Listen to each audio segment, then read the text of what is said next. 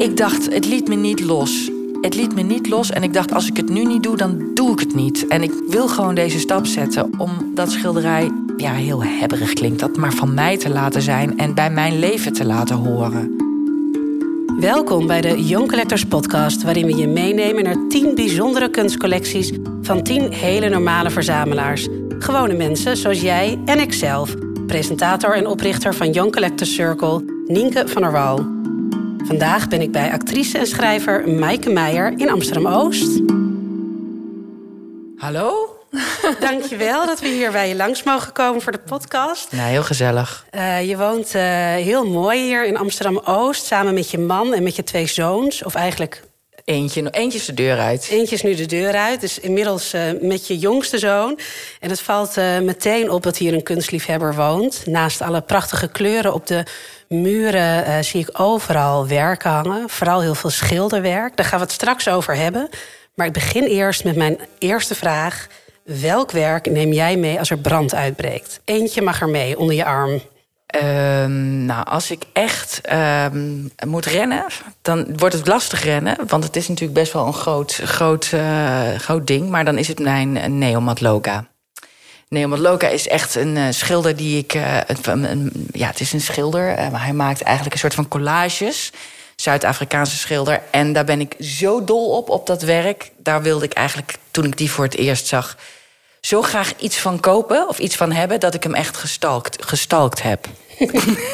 dus, en dat is nog steeds zo. Het is eigenlijk, ik woon niet zo heel groot, maar ik heb wel uh, uh, het gevoel dat, dat, zeg maar, dat werk is echt een onderdeel van het huis geworden. Dus dat als ik naar buiten zou moeten rennen, zou ik dat meenemen. Ik moet er niet aan denken wat er dan nog achterblijft, maar ja, nee, dat toch. Dat is de moeilijke keuze. En kun je vertellen wat er op het werk staat? Het is een grote zwart-wit schilderij, of een collage eigenlijk. Ja, trouwens eerst mijn familie hè, naar buiten. Dat, ja, dat sowieso natuurlijk. Ja. Dat, dat. Maar, die zijn al buiten. Ja, die zijn al buiten. uh, wat er op het werk staat, zijn eigenlijk... Het is een groot vierkant werk. Um, en er staan uh, drie mannen op, maar het, het is niet duidelijk of het helemaal mannen zijn. Het zouden ook vrouwen kunnen zijn... Um, je ziet bij een van de mannen een oorbel en uh, je ziet een soort vrouwelijke blik. En omdat het een werk is, wat, het is zwart-wit wat hij maakt. Hij maakt eigenlijk alles zwart-wit. Met uh, houtskool en met verf werkt hij. En met collages. Dus hij knipt plaatjes uit tijdschriften. En die bewerkt hij eigenlijk tot nieuwe mensen, nieuwe personages. Het zijn ook echt personages in mijn optiek. Ze kijken je aan. Ze staan allemaal onder een raam. Maar ze kijken me ook weer niet aan. Hun ogen zijn ook de andere kant op gericht. Naar zichzelf gericht. Alle kanten op.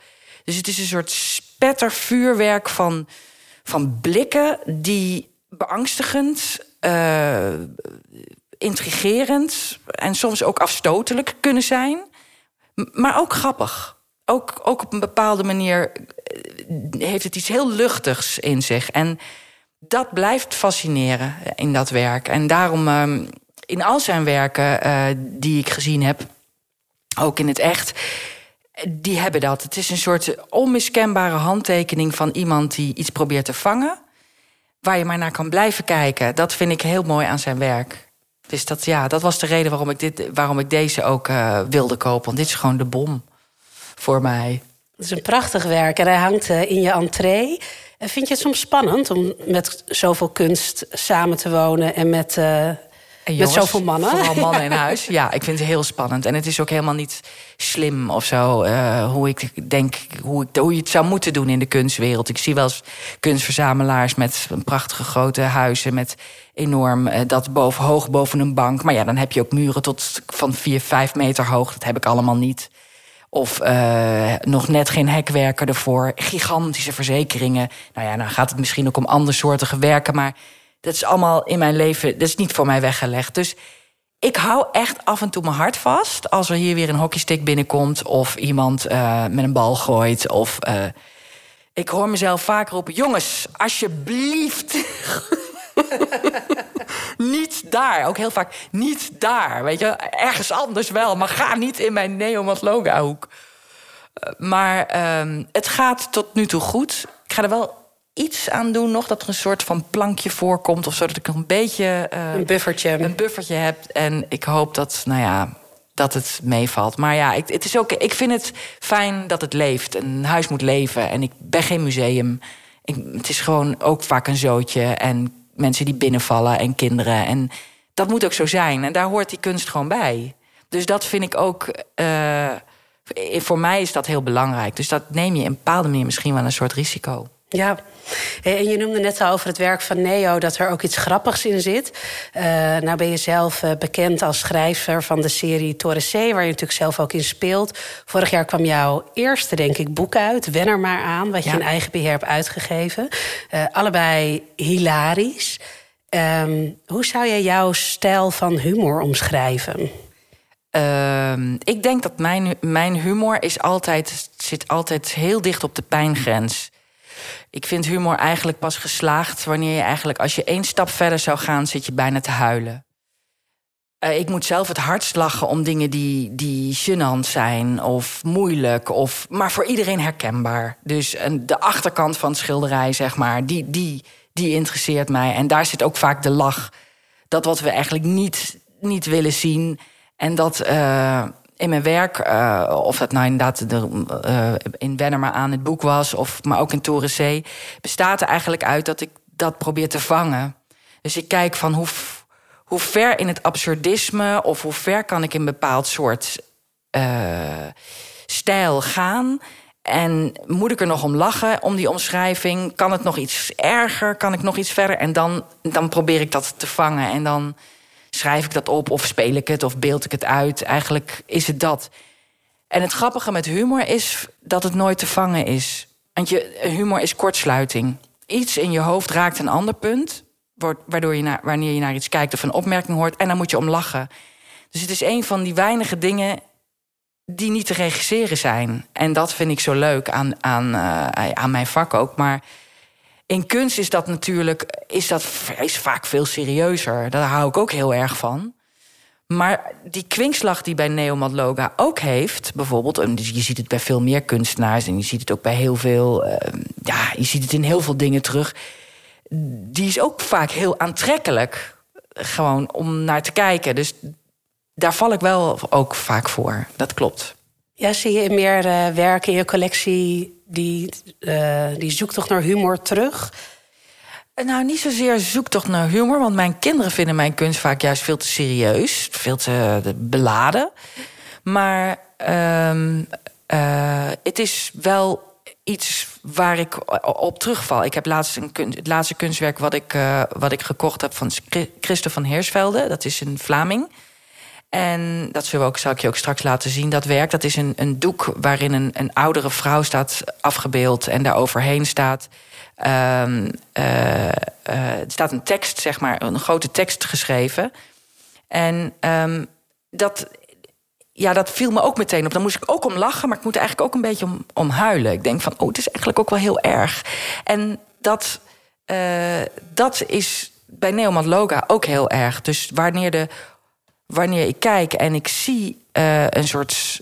Uh, een soort kwinkslag, waardoor ik er naar kijk. Maar tegelijkertijd denk ik: oh, maar dit is verschrikkelijk wat hier gebeurt. Dat, daar, hou ik, daar hou ik van.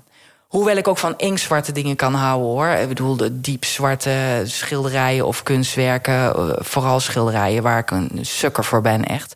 Die je helemaal meezuigen, totaal de diepte in. Kan ik heel erg in meegaan. Maar dat is minder mijn eigen beleving. Ja, en je vertelde net over dat, uh, dat werk waar die tekst overheen staat geschreven. Wat staat er over het schilderij heen geschreven? Uh, er staat heel groot: je wordt bedankt. Over het werk heen. En je ziet er een vrouw die daarachter zit. Ze is iets aan het snijden. Het is iets van vlees of brood, ik weet het niet.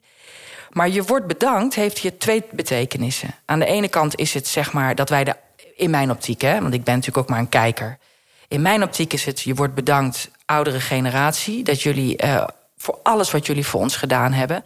Maar het is ook, je wordt bedankt van hun uit naar ons. Van je wordt bedankt, het cynisme wat erin hangt. Die taal gaat hier mengen met het beeld wat ik zie. Met het, uh, het, het, het, het, gaat interfereren. Het wringt. Het is heel naar en heel grappig in mijn optiek. In één keer raak. In de roos. Dus als ik zo'n werk, dit heb ik toevallig via internet gekocht. Ik kwam het op Instagram tegen. Oscar van Gelderen had het gepost. En uh, daar was ik hem heel dankbaar voor. Want ik denk, ja, dit is een kunstenaar, die wil ik volgen, die wil ik zien. Nou, corona, dus ik kon er niet naartoe. Um, maar uh, dat werk hebben we dus samen gekocht. Dus dat is ook wel weer een leuke... Samen met, uh, met Oscar van Gelderen. Ja, ja. Een van onze ambassadeurs, ja. overigens. Ja, ja samen gekocht met Oscar en Manuela Klerks. En dat is ook heel leuk om te doen. En hoe werkt dat dan? Nou, dat is wel grappig. Um, ik had er ook geen ervaring in, maar uh, Oscar Manuele zeiden... nou, je kan het in principe gewoon verdelen. Dus je koopt het samen en het hangt het ene jaar bij jou. En het volgende jaar uh, heb je een etentje en dan hangt het bij die andere in huis. En daar wissel je, daar wissel je mee. En als iemand desperately ervan af wil omdat hij het geld nodig heeft... of omdat hij denkt, ja, ik heb gewoon geen zin meer om naar dat ding te kijken... dan koop je de ander uit. Of ja, dan zie je wel weer een beetje hoe dat loopt. Maar ik, ik vond het eigenlijk wel, wel grappig om dat een keertje te doen. En je kan ook omgekeerd, als je denkt... ik ben wel heel erg aan dit werk, werk gehecht geraakt... mag ik het kopen? Ja, misschien kan je daar dan ook te zijn de tijd wel over hebben... En hij is nu bij jou hij momenteel. is nu bij mij. Ik mocht beginnen. Jij mocht beginnen.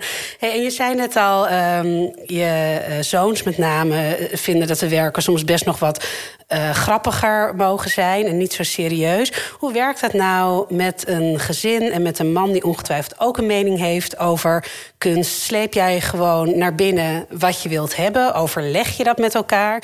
Of wordt het altijd wel met gejuich ontvangen? Hoe gaat dat? Mm, dat wisselt. Hm. Neomat Loga was echt eentje die, die drukte ik erdoor. Maar er zijn bepaalde schilderijen vooral... Die, uh, ook, ja, die ik in het begin heb gekocht... waarbij iedereen iets had van... ja, moet dat nou per se? Ook je wordt bedankt van Christen van Heesvelde... waar ik net over vertelde. Ja, mijn man vindt het eigenlijk niet heel erg... een heel erg bijzonder werk.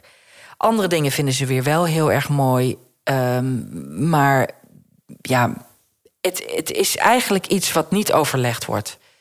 Als, als, als Mark iets, of mijn man heet Mark, als die iets zou uh, willen kopen wat hij heel mooi zou vinden, zou ik dat alleen maar toejuichen.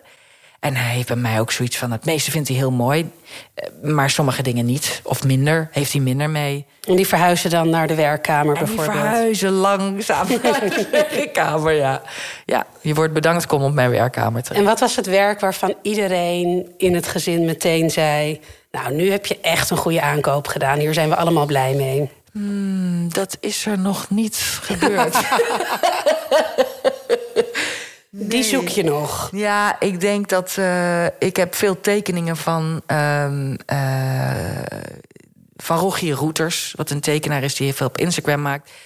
Uh, die zijn heel toegankelijk en heel direct en heel leuk vaak, heel grappig. Kinderen hebben daar vaak een directe mening over. Die vinden dat makkelijker. Ik heb er ook eentje gegeven aan mijn jongste zoon. Dat is een werkje van, uh, van Rogier Roeters. En um, dat, gaat, dat is een tekening van een meisje met hele lange Instagram-wimpers, staat erbij. En dat is eigenlijk iets wat, wat, hij, wat hem iets doet, wat hij leuk vindt. Wat hij, wat, dus daar heeft het vaak mee te maken. Zit het in hun belevingswereld? En dan slaan ze erop aan. Maar abstracte dingen is sowieso moeilijker en lastiger.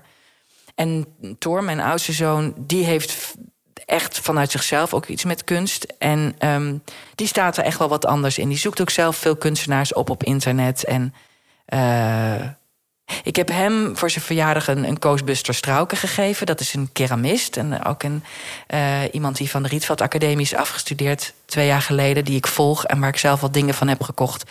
Geweldige borden met allerlei dingen die hij verschrikkelijk vindt erop getekend. Van witlof tot kinderen met baby Nike's aan, tot uh, verschrikkelijke oorlogssituaties, tot de Twin Towers die instorten, tot allemaal borden van keramiek om aan de muur te, te hangen. Ik heb zelf een bordje met uh, uh, president Mugabe en een soort nare slachtoffers in tentjes. Dat je denkt, dit is, terwijl het eigenlijk een soort van gezellig bord is. Ja, heel intrigerend en mooi vond ik dat. Maar dat, uh, dat vindt hij, door mijn zoon dus wel weer ook heel erg leuk. Die heeft een bordje met, daarop staat een een, een, een, een, kinderwagentje met een baby met baby Nike's. Dat vond hij namelijk ook verschrikkelijk. En dat staat er ook op. Dus ja, dat, het heeft ook, dat heeft ook wel weer met een soort van humor of kwinkslag te maken of zo.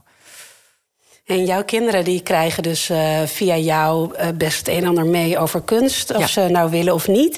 Um, ben jij zelf uh, opgegroeid met bijvoorbeeld ouders die ook verzamelden? Vaak is het beeld van de verzamelaar dat hij opgroeit in een huis vol oude meesters, et cetera. Is dat voor jou ook zo? Nee, helemaal niet.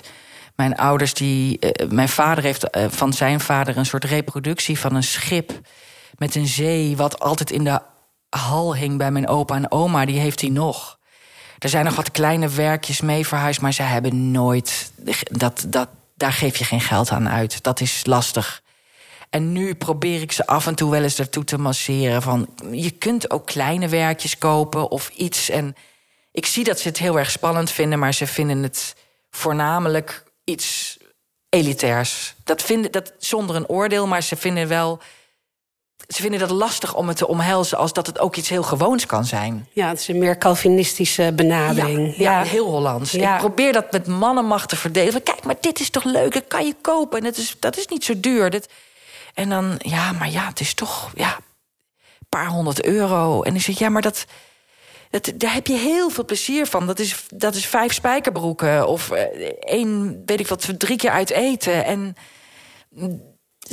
begint langzaam te komen, maar het is echt wel een andere generatie. In mijn huis was vroeger geen kunst, maar mijn moeder en ook mijn vader houden wel van kunst. Wel van musea, wel van dingen bezichtigen, wel van mooie foto's. Er, hingen, lagen altijd boeken van Ed van der Elske bij ons thuis. En fotografie, uh, magnum fotografie, waar mijn vader gek van was en is. En, dus ik heb wel het beeld het kijken naar dingen heb ik wel van huis uit meegekregen. Maar niet het verzamelen. Dat en, niet. En hoe is dat dan bij jou begonnen? Dat je zelf op een gegeven moment wel dacht...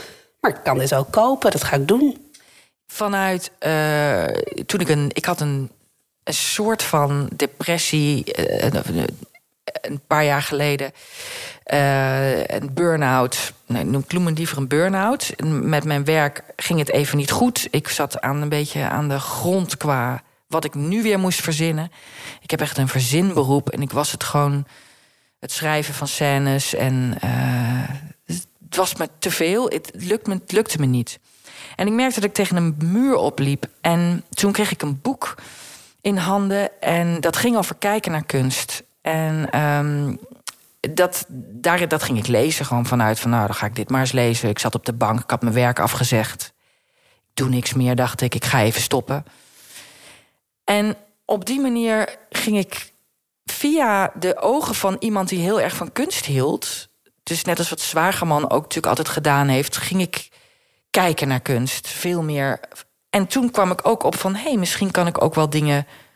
Uh, zou je ook iets kunnen kopen? Uh, en nou ja, op die manier kwam ik eigenlijk ook bij de Young Collector Circle terecht. En toen dacht ik echt van, nou ja, uh, ik ga gewoon wat, ik ga eens gewoon wat kopen. Ik ga eens naar een art fair en liep ik daar rond samen met mijn man en we keken. Alles was veel te duur en uh, ja, de eerste aanschaf dodelijk vermoeiend en heel lastig. Want wat, wat ga je kopen? Nou, uiteindelijk hebben we iets gevonden. Hij hangt nog steeds daar aan de muur. Het is een tekening en een, een pentekening. Uh, en eigenlijk was dat op dat moment voor mij een, uh, iets wat me heel erg ontroerde, het beeld. En ik dacht van, ja, ik, ik, laten we dit kopen. We kopen het gewoon. En we hebben dat gedaan. En daarmee was eigenlijk al best wel snel het hek van de dam. Mm.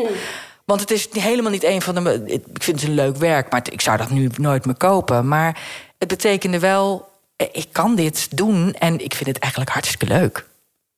Dus toen ging het kriebelen en toen ging ik meer art fairs toen kwam ik bij jullie terecht. Toen ging ik mee naar, naar, naar beurzen. Toen, ja, en zo kwam het heel langzaam uh, kwam het eigenlijk op gang. En ging ik ook denken, nou ja, wat wil ik dan echt gaan hebben? En dus dan ga je sparen en denken van, nou ja, als ik echt een aanschaf ga doen, dan moet hij echt wel.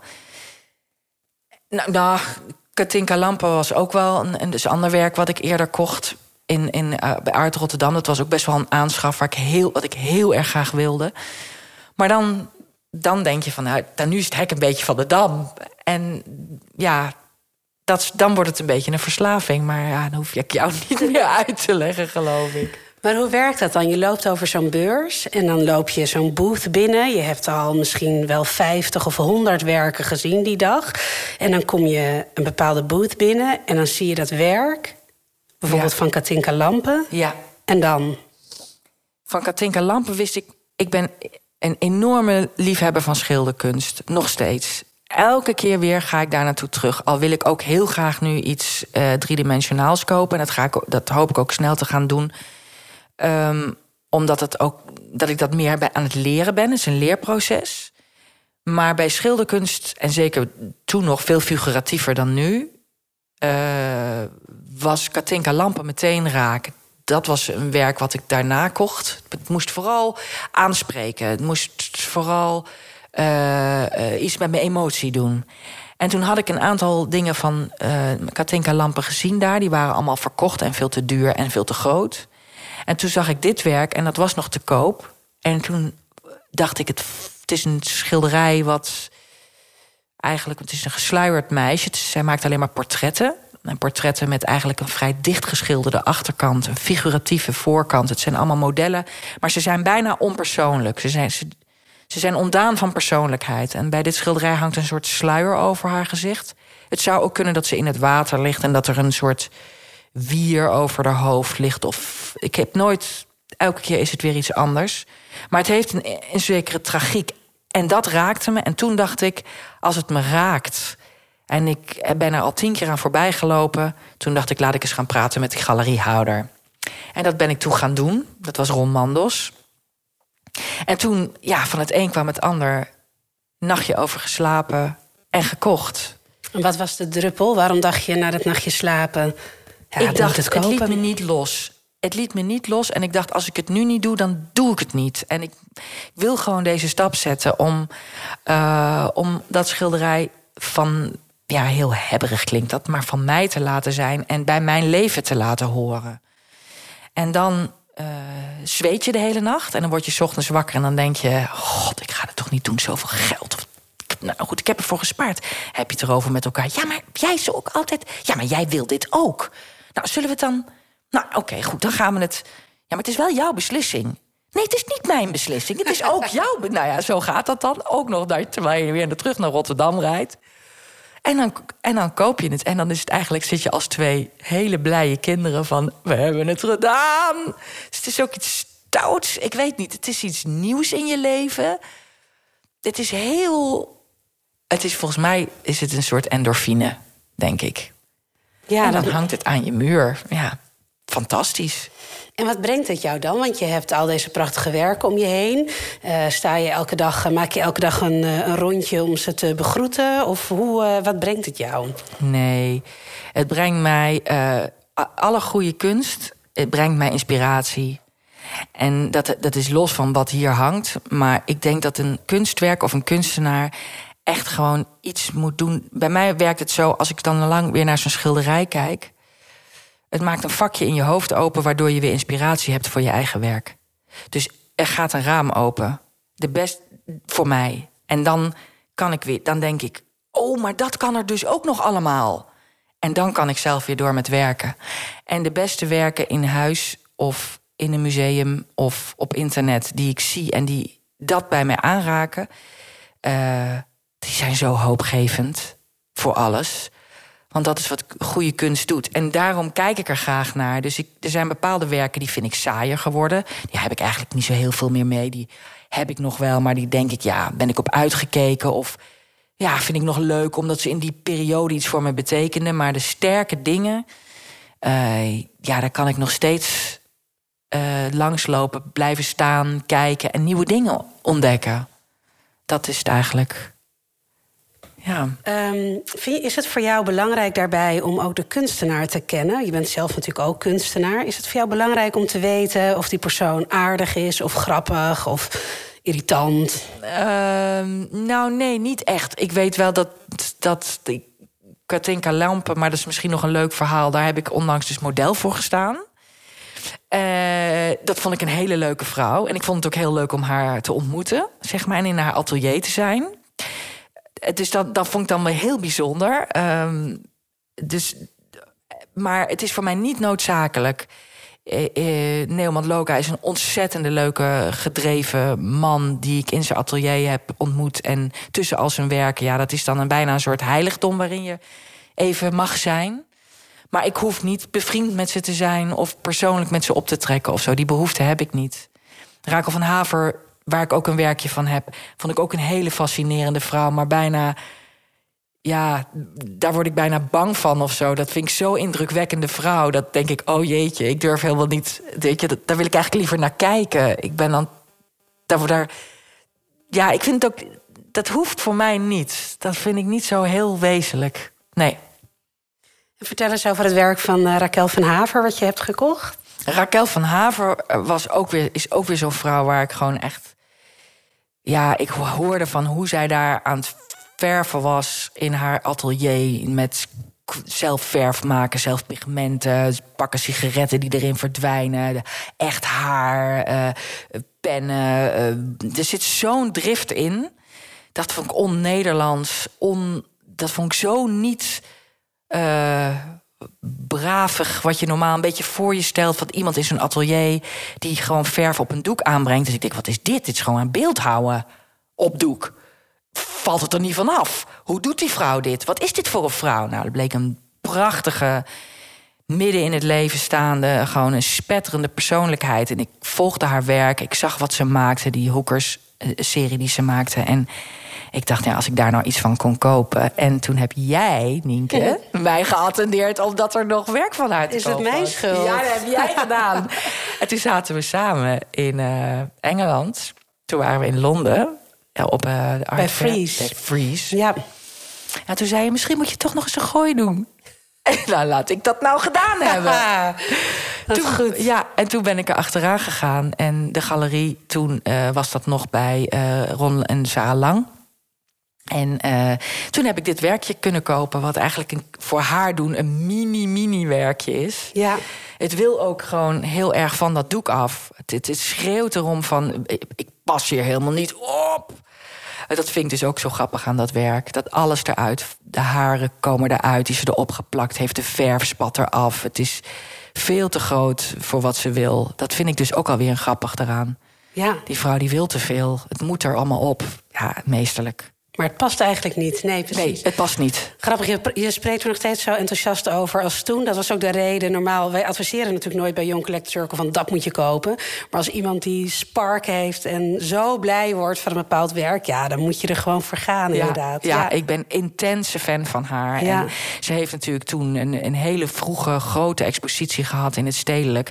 Maar dat werk vond ik stunning. Ik vond het onwaarschijnlijk geweldig hoe zij Um, ik vind het ook iemand van deze tijd. Ik vind het een kunstenaar die, die gewoon zich door niemand laat afblaffen, door niemand in een hoek laat duwen, die precies haar eigen gang gaat. Dat vind ik zo ijzersterk. Chapeau. Ik vind haar echt heel gaaf.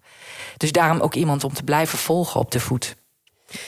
Uh, ik merk aan wat je vertelt dat het dus vaak zo is dat je een kunstenaar echt bewondert en daarbij eigenlijk ook het hele oeuvre.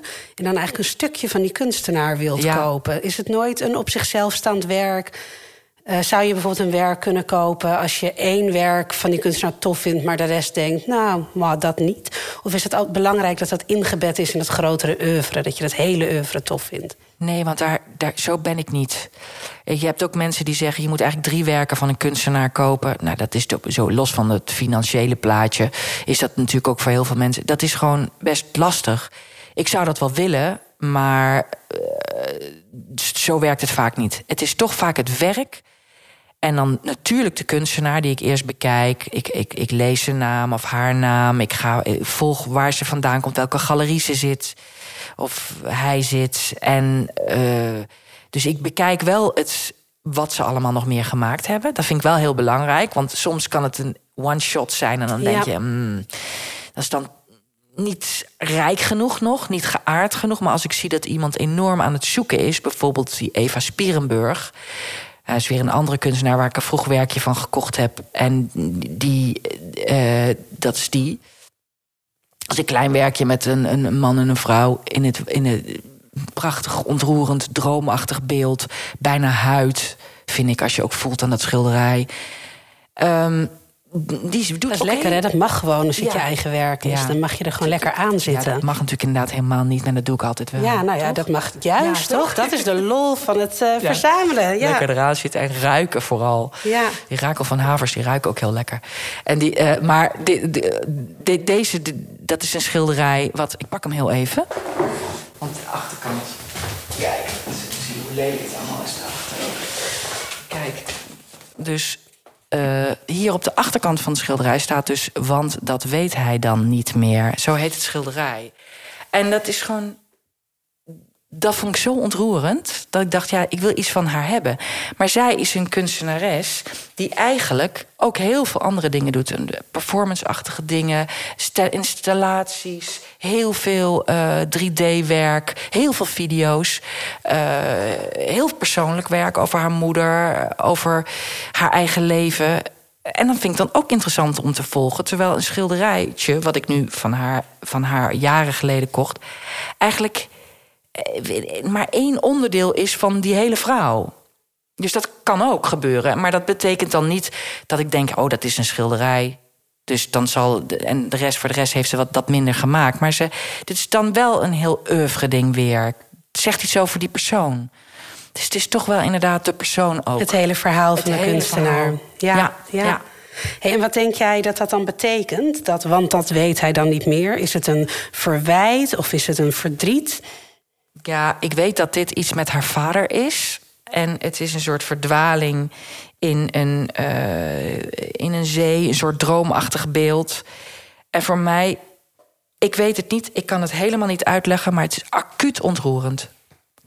Want dat weet hij dan niet meer. Ik vind dingen met dat soort teksten vind ik vaak meteen ontroerend. Dan denk ik, ja, het zegt iets over jezelf of over je ouders of over een kind of over niet verder kunnen. Het is bijna poëzie. Of het is poëzie. Maar dan is het dus ook voor jou een soort herkenning, ondanks dat het misschien over iets heel anders gaat. Ja. Steve McQueen zei ooit: eh, dat is het wat er gebeurt als je geraakt wordt door een kunstwerk. Het is een soort herkenning, iets wat je nog wist. Ja. Herken je dat? Ja, zeker. Iets wat je nog wist. En, in, en voor mij dus ook... oh ja, dat kan er... dat is nog allemaal mogelijk. Dus wat ik straks zei... eh, goed kunstwerk. ehm, de grote jongens en grote meiden... die, eh, weet, dingen maken waar je langs loopt. Je staat stil, het slaat je uit het veld. En dat is eigenlijk wat niks anders kan. En in mijn vak is dat ook nog is dat heel inspirerend. Want dan denk ik, ik zit vast. Ik moet op een heel ander spoor gaan zitten. Schrijven, wat ik veel doe. Moet, ik moet het raam openzetten. Ik moet andere ideeën binnenlaten. En ehm, ontroering heeft dat ook. Zet je op je kop. Je kan zo...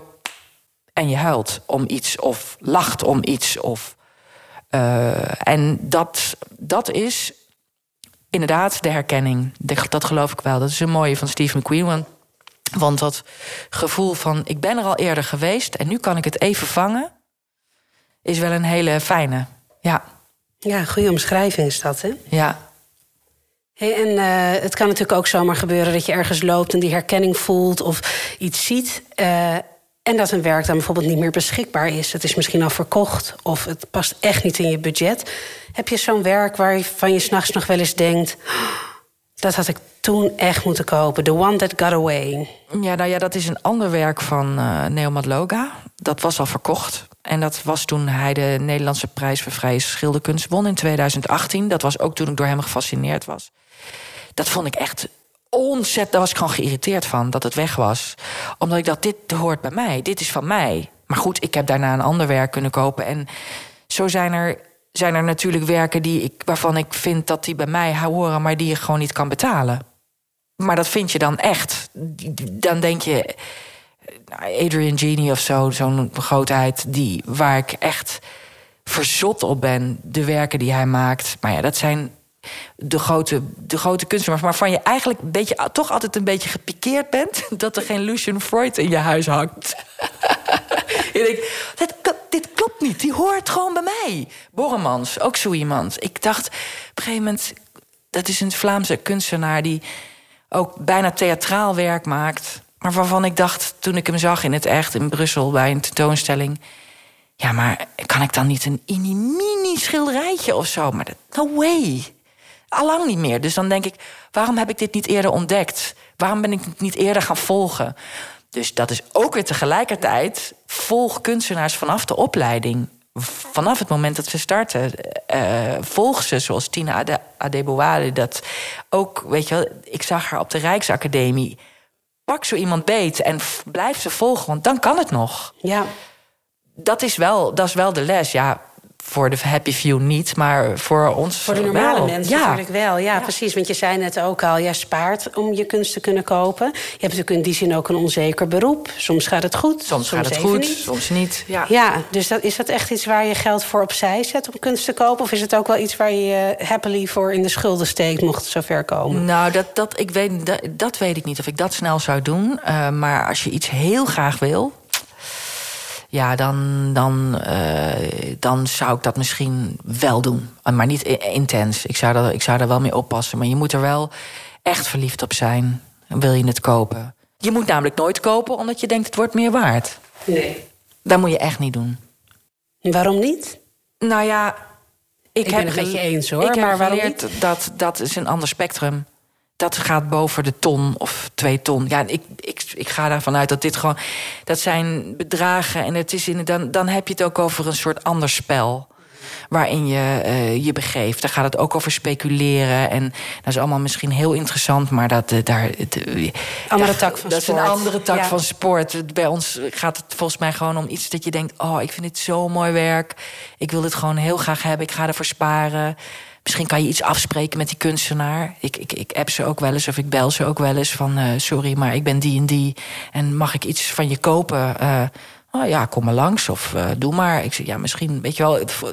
Jaren geleden dat, je vraag, dat, je, dat ik me afvroeg van... nou, misschien kan ik het over een tijdje wel... of kan ik bij jou op een wachtlijst? Of ja, dat vind ik dan... Dat is een ander, maar het is de, de, ik weet niet of je het moet doen om als investering. Dat weet ik niet. Investering in jezelf. Ja, dat. En als je er geen zak meer aan vindt, dan kan je het weer verkopen. Nou ja, precies. En het, uh, je, je, noemde net ook al, als je kunstenaars eigenlijk al vroeg volgt hè, vanaf de academie, dan is het vaak nog veel betaalbaarder voordat ze uiteindelijk een, museale status krijgen. Maar er zit natuurlijk een heel lang stuk tussen dat ze van de academie komen en bij wijze van spreken in het Stedelijk Museum hangen. En juist in die leemte kunnen verzamelaars ook een hele belangrijke rol voor de kunstenaar zelf spelen. Precies. Is dat voor jou een belangrijke motivatie om ook kunst te kopen, om de kunstenaars te steunen? Heel erg. Ik, dat, want het mes snijdt aan twee kanten. Ik vind het ontzettend leuk om... Eh, ja, dat is dit jaar vanwege corona niet gelukt... maar uh, op de eindexamen exposities rond te lopen... om Rietveld te zien en om de Rijks te zien... en de ateliers te zien en om te kijken wat daar voor mensen rondlopen... wat daar gebeurt ik vind dat veel leuker ook dan, uh, dan al iemand die helemaal gearriveerd is. En het is leuk voor die kunstenaar, zoals Koos Buster Strauken was iemand die toen, ja, die hing daar aan de muur. In, uh, die had al zijn werk aan de muur hangen bij de eindexamen-expositie. Wat is er nou leuker dan direct met die kunstenaar in contact te komen? Oeverloos de ouwe hoeren. En hij komt hier op zijn fiets die werkjes brengen en zit hier aan de thee. Met, zijn, uh, en met, met al zijn plastic. Van neem maar weer mee terug, want dan kan je het misschien nog gebruiken. En vervolgens mijn kinderen, die, mijn, mijn jongste zoon, die zei: wat, wat is dit nou weer?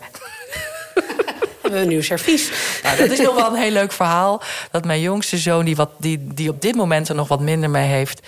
op een gegeven moment uh, kreeg hij voor zijn verjaardag een schoelbak. Mhm. En die had ik ingepakt. Dus die lag ingepakt op tafel. En hij kwam, werd s ochtends wakker en hebben we als cadeaus... en dan beneden aan tafel voordat we gaan ontbijten. En hij loopt de trap af. Hij ziet dat ingepakte grote ding liggen en hij zegt... oh nee, het is toch geen schilderij. Alsjeblieft, laat het geen schilderij nee. zijn. En ik kon even, nee, nee, maak het maar open. ja, ja. Geweldig. Ja. Mike, als laatste vraag wil ik heel graag van jou weten... welke kunstenaar uh, jij op je wishlist hebt staan, of misschien welke kunstenaar uit jouw collectie, waarvan jij vindt dat iedereen die naar deze podcast luistert, die kunstenaar zou moeten kennen. Je hebt natuurlijk al een heleboel namen genoemd, maar is er eentje waarvan je zegt, nou, als je één naam gaat googelen vandaag. Dan is het Tina Adebowale. Vertel eens over haar werk. Nou, zij maakt zwart-wit ook. Ik, heb iets met zwart-wit portretten, uh, beelden. Zij komt uit uh, Nigeria en haar werken zijn, uh, nou ja, wat ik heb gezien van haar is, uh, het is allemaal een onderzoek naar uh, vrouw, man zijn, de queer community. Zij komt zelf uit een, uit een land wat nou ja, overheerst is geweest door, door, door de Britten natuurlijk heel lang. En zij onderzoekt ook heel erg de, de, de vrouwelijke positie in die landen. En wat er eigenlijk nog van over is. Want vroeger was dat een matriarchaat, Nigeria. En nu is het eigenlijk volledig verdwenen. En is er eigenlijk een hele vijandelijke sfeer ontstaan. En vrouwen hebben veel minder posities. En zijn, worden gedrukt in, in rollen die ze, ja, die ze helemaal niet meer zouden moeten hebben. En zij onderzoekt dat in haar werk. En uh, ze, ze doet dat met hele ze, doet het eigenlijk, het is heel grafisch wat ze maakt. Zwart-wit schilderijen, maar vaak heel groot, dat wel. Um, waarin je vrouwen, vaak veel vrouwelijke figuren ziet. Heel erg, uh, weer heel persoonlijk werk. En bestaand uit hele kleine tekeningetjes. Dus die tekeningen bestaan eigenlijk uit hele kleine grafische vormpjes. En toen ik haar zag en sprak, dus op de Rijksacademie, uh, twee jaar geleden of drie jaar geleden al meer was het toen vertelde ze mij dat zij vroeger heel veel in de kerk zat. En uh, het vreselijk vond wat daar eigenlijk gebeurde. En wat er vooral verkondigd werd, het, Christia, het christelijke geloof. Vaak ook uit verveling zat te tekenen.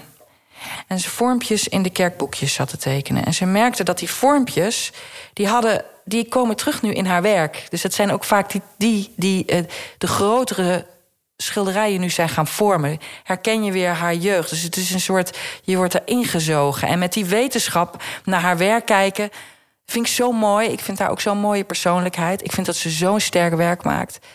Ja, ik zou willen dat ik uh, daar nog iets van zou kunnen kopen. Maar ik vind haar ook een heel interessante maker en een hele lieve, geweldige kunstenaar. Ja, ze kwam hier voor de Rijksacademie en zij woont nu in Amsterdam. En uh, nou ja, ze, maakt nog steeds dat soort werk. Zij onderzoekt dus ook die queer uh, uh, community, vrouwelijkheid, mannelijkheid, geloof. Het zit allemaal in haar werk. En ik vind, het, ik vind het heel erg mooi. En het beweegt ook als je ernaar kijkt. Het trilt. Of het, ik vind haar fascinerend en um, ja, dat. En uh, mag ik maar nog één noemen? Koosbussen Strauken. het is ook echt een Amsterdammer. In Amsterdammer. Dat is een echte Amsterdammer. Ja, ja, en die vind ik ook te gek. Die noem ik ook stiekem. Want uh, ik hou intens van zijn werk. En die gaat maar door. Hij stopt nooit. Alles gaat in die keramiek over, volgens mij. Het is dat hij er zelf nog niet in heeft gezeten. Maar heel gaaf. Nou, twee supergoeie tips. Tina Adebowale en Koosbuster Strauken. Dankjewel, Maaike, dat we binnen mochten gluren bij jouw collectie. Heel graag gedaan. Ik vond het heel leuk.